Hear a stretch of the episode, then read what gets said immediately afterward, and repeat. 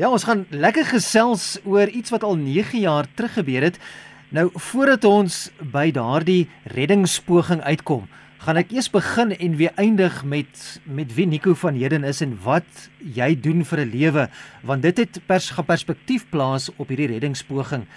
Nico, wat presies doen jy en wat het jy daar in die see gemaak 9 jaar gelede? Man voor op hierdie stadium, ek is nog steeds in die duikbedryf, maar ek ek is nie meer 'n regte duiker nie. Ek is nou 'n supervisor. Ek werk in Saudi-Arabië. En uh, tydens die die ehm um, die reddingspoging in Nigerië was ek 'n duiker gewees vir 'n konstruksiemaatskappy. En ons het ons was besig om um, om pyplyne reg te maak, te inspekteer en reg te maak. En um, terwyl ons besig was met daai projek, het die ehm um, selfe maatskappy wat ons in werking gestel het, het ehm um, hulle 'n uh, tugboot gehad wat gesink het in Nigerië en hulle het vir ons gevra om die lyke te gaan uithaal uit die boot uit. Net om sodat hulle die lyke kan terugbesorg aan die families want uit daar van die saak het niemand gedink dat gaan enige oorlewenis wees nie. So julle het eers omtrent 2 dae nadat daai boot gesink het, toe nou die boodskap gekry om die die dooie persone te gaan uithaal want ons praat hier van 62 uur wat die persoon vasgekeer was of die mense dan nou onder die boot was. Dis korrek. Ons was 170 myl van die insident af gewees en toe dit gebeur het, ons obviously het ons dadelik geweet daarvan, maar um, ons het nie geweet dat ons betrokke gewees met die met die reddingspoging of dan uit nou die die Lamilike uithaal nie. En om te seil, dis nie net om in 'n kar te klim en vinnig iewers in te ry nie, dis nogals 170 myl vat ons 'n tydjie. So ja. die die soom toe was nogals lank geweest. Ons gaan nou 'n bietjie meer gesels, dis wat ek bedoel het aan die begin. Ons gaan nou 'n bietjie meer gesels oor wat dit alles behels het en en so 'n paar tegniese aspekte bietjie uitklaar van hoe dit werk onder die see teenoor hoe dit werk bokant die die water hier op moeder aarde. Maar hoe het julle toe nou agtergekom daar's nog iemand wat lewendig is? Hoe hoe dit oor julle pad gekom? kyk ons het ons het 'n ehm um, se blueprint van die boot gehad. So ons het stelselmatig het ons deur die boot gegaan. Ons as die duikers is eintlik van net die die tool, die supervisor op die boot wat wat ons supervise. Hy sou vir ons verduidelik gaan links, gaan regs. Omdat die visibility baie sleg was, kon ons nie regtig uh, baie uitmaak nie. Maar die ehm um, die boot was onderste bo gewees. Hy het gesink. Hy was reg met 'n diep. Hy was onderste bo en sy ehm um, sy brug het in die modder gelê. So dit was redelik moeilik om in te kom en die deure in Nigerië, ek weet nie wat nou nog so is nie, maar Nigerië as gevolg van die um, van die piracy daarso. Ja. Ehm um, het meeste bote, meeste maatskappye die ehm um, die prosedure om hulle bote te sluit in die nag. So as dit donker raak, dan gaan almal binnekant toe, hulle sluit die bote en dan net die mense in die brug sal basies ehm um, die radar dophou en 'n lookout wees basies.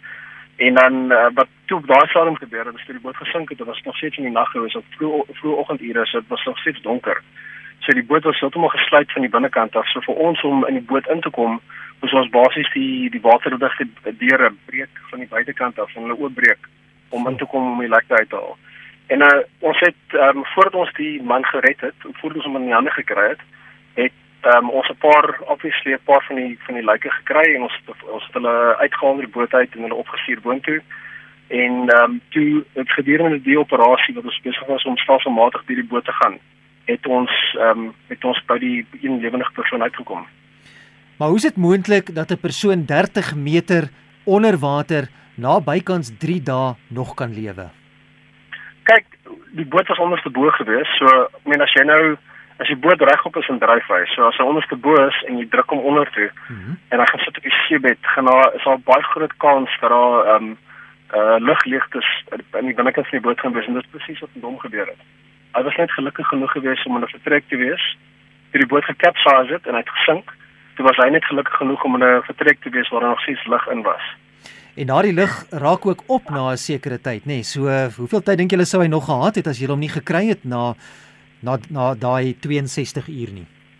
Dan toe ons daar uitgekom het, as jy, ek weet nie of jy die die ek dink ons op op YouTube is al 'n video van dit. Ja. As jy die video kyk, dan sien jy sien hoe hy die manier wat hy asemhaal.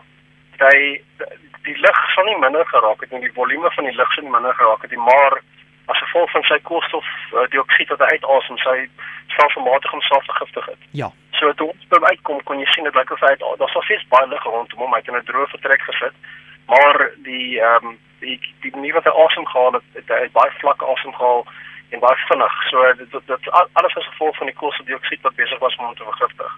Jy praat nou van 'n video op op YouTube en ek het selfs dit ook al gesien en ek dink van ons luisteraars kan dalk ook al dit reeds raak gesien het of onthou dit van 'n paar jaar gelede. Is dit standaard praktyk om dan met soos wat noem 'n GoPro of 'n video-opnemer sulke pogings uit te voer? En nee, kyk hoe hoe die kommersiële bedryfbedryf werk is jy het nie 'n benige GoPro by jou nie, maar op die helm wat jy op jou kop het, het jy 'n kamera en 'n lig. Hmm. En dit is standaard. So um, volgens wet moet ons vir 24 uur al die duike wat ons doen moet ons op rekord hou. So daai die die daai footage wat op um, wat op YouTube is, kom van die kamera wat op my kop was. Dis merkwaardig. Nou daarvan gepraat verder. Hy was nou in 'n lugleegte in 'n air pocket soos soos dit miskien algemeen bekend staan. Nou moet jy daardie persoon 30 meter onder die water in daai lug uit daai lugpocket lugleegte uithaal, in die water sit en hom 30 meter na die oppervlakte toe bring. Dit kan seker nie maklik wees nie. Daar's sekere seker sekere goed wat moet gebeur om dit te kan doen en en risiko's. Baie baie risiko's. Kyk, die vir, vir my was die gevaarlikste gedeelte die om hom uit die boot uit te kry en dan ons het ons het saturation daarin gedoen. So jy kry verskillende tipes duik in die kommersiële bedryf. Ehm um, alles is gewoonlik surface supply, wat beteken dat jou lug jy het jy het basies 'n umbilical wat van die boot af kom na jou toe en jy het 'n silinder op jou rug, maar die silinder is nie dis net 'n vir 'n noodgeval. So as iets met jou umbilical gebeur, dan kan jy dan jy by jou sodat jy uh, terugkom in veiligheid. En die my umbilical was basies van my pas en ek het in Nico, ja, ja, skielik Nico, ek wil jy gaan net jou vinnig onderbreek. Jou sy net so bietjie weggeraak daar. Jy was besig om te gesels oor die noodsilinder op jou rug. Yes, jy, jy het 'n silinder op jou rug, maar jy gebruik nie die silinder net vir 'n noodgeval. So as iets met jou umbilical gebeur ja. wat aan jou vas is, dan jy nog steeds 'n bietjie soos 'n nood ehm um, supply lig by jou. Ja. Nou my was die die die gevaarlikste gedeelte van die hele operasie was net om hom uit die boot uit te kry en dan tot in die bel. So die bel is basies as jy saturation diving doen, dan jy jy gebruik uh, mengsel van helium en um, suurstof. Ja. So jy al al basies die stikstof uit die lug uit en dan in plaas van stikstof gebruik jy helium. Nou die ehm um, die umbilical food die helium nou toe en die umbilical is in jou vas en is 'n redelike dik ehm um, uh samestelling van kabels en houses. So daar net om deur die boot te kom tot by hom was al klaar vir my moeilik geweest want hierdie ding hak oral vas en die gangetjies is en is donker en is die visibility is, is baie sleg. Ja. So vir my was die gevaarlikste gedeelte en die, die grootste risiko was net om hom uit die boot uit te kry tot in die bel. Hm. Hoe gaan dit vandag met hom? Het julle nog enigsins kontak? Ja, yes, uh, ons praat gereeld. Hy dis 'n Nigeriese man. Ja. So dan was hy is 'n hy is 'n kenning. En ehm um, na die hele insident met hom, hy was 'n kok gewees op die boot. En na die hele insident met hom het hy uh, vandag gesê hy duiker. Hy het besluit hy wil uh, teruggaan na die dieptes toe en hy het daar waar hom gered het en hy wil ook ehm um, kommersiële duiker raak. En ehm um, ek het 'n vriend wat in die uit die duikskool in die strand en ons het gereël dat hy uh, Suid-Afrika toe kom van Nigeria af. En hy was dan 'n paar keer hier gewees en kom uh, verskeie kursusse gedoen en hy's vandag 'n kommersiële duiker. Hy's nie meer 'n kok nie, hy's 'n uh, 'n duiker soos wat ek en die ander manne is. Jogg, dis dis merkwaardig. Nou, julle julle soos jy gesê het, julle het op pypleidings gewerk, so julle was nie noodwendig toegerus vir 'n reddingsoperasie nie. Man, kyk, jy kan nie regtig um, in in die bedryf wat ek is, kan jy nie regtig toegerus word vir 'n vir 'n reddingsoperasie nie want dit gebeur nooit nie. So, ek meen hmm al wat jy kan doen is ehm um, wanneer dit wanneer dit gebeur of as dit gebeur, moet jy maar net die, jou beste besluit maak en luister wat jy supervisor sê. Gelukkig die span waarmee ek gewerk het was fantasties geweest en is alles uh, manne geweest wat goeie ondervinding het en die, die regte besluite was gemaak geweest. Jogg, dis 'n merkwaardige storie. Nico, baie dankie vir jou tyd en baie dankie vir ook wat jy gele gedoen het daar om 'n man se lewe te red en 'n impak wat jy daar gemaak het. En ons het nou gehoor van die groot impak die die manne tot sy hele sy hele loopbaan verander. Ja, dit was dit was my verbasing geweest. As iets met my moet gebeur dan sal die laaste plek wat ek sou wil wees is om te sê toe. Dis merkwaardig. Nico, baie baie dankie en baie sterkte vir vir jou loopbaan verder waarmee jy tans besig is. En ehm um, ja, dankie weer eens vir die gesels hier op 360 op RSG. Dankie vol, dit was 'n uh, lekker geleentheid gewees, ek waardeer dit.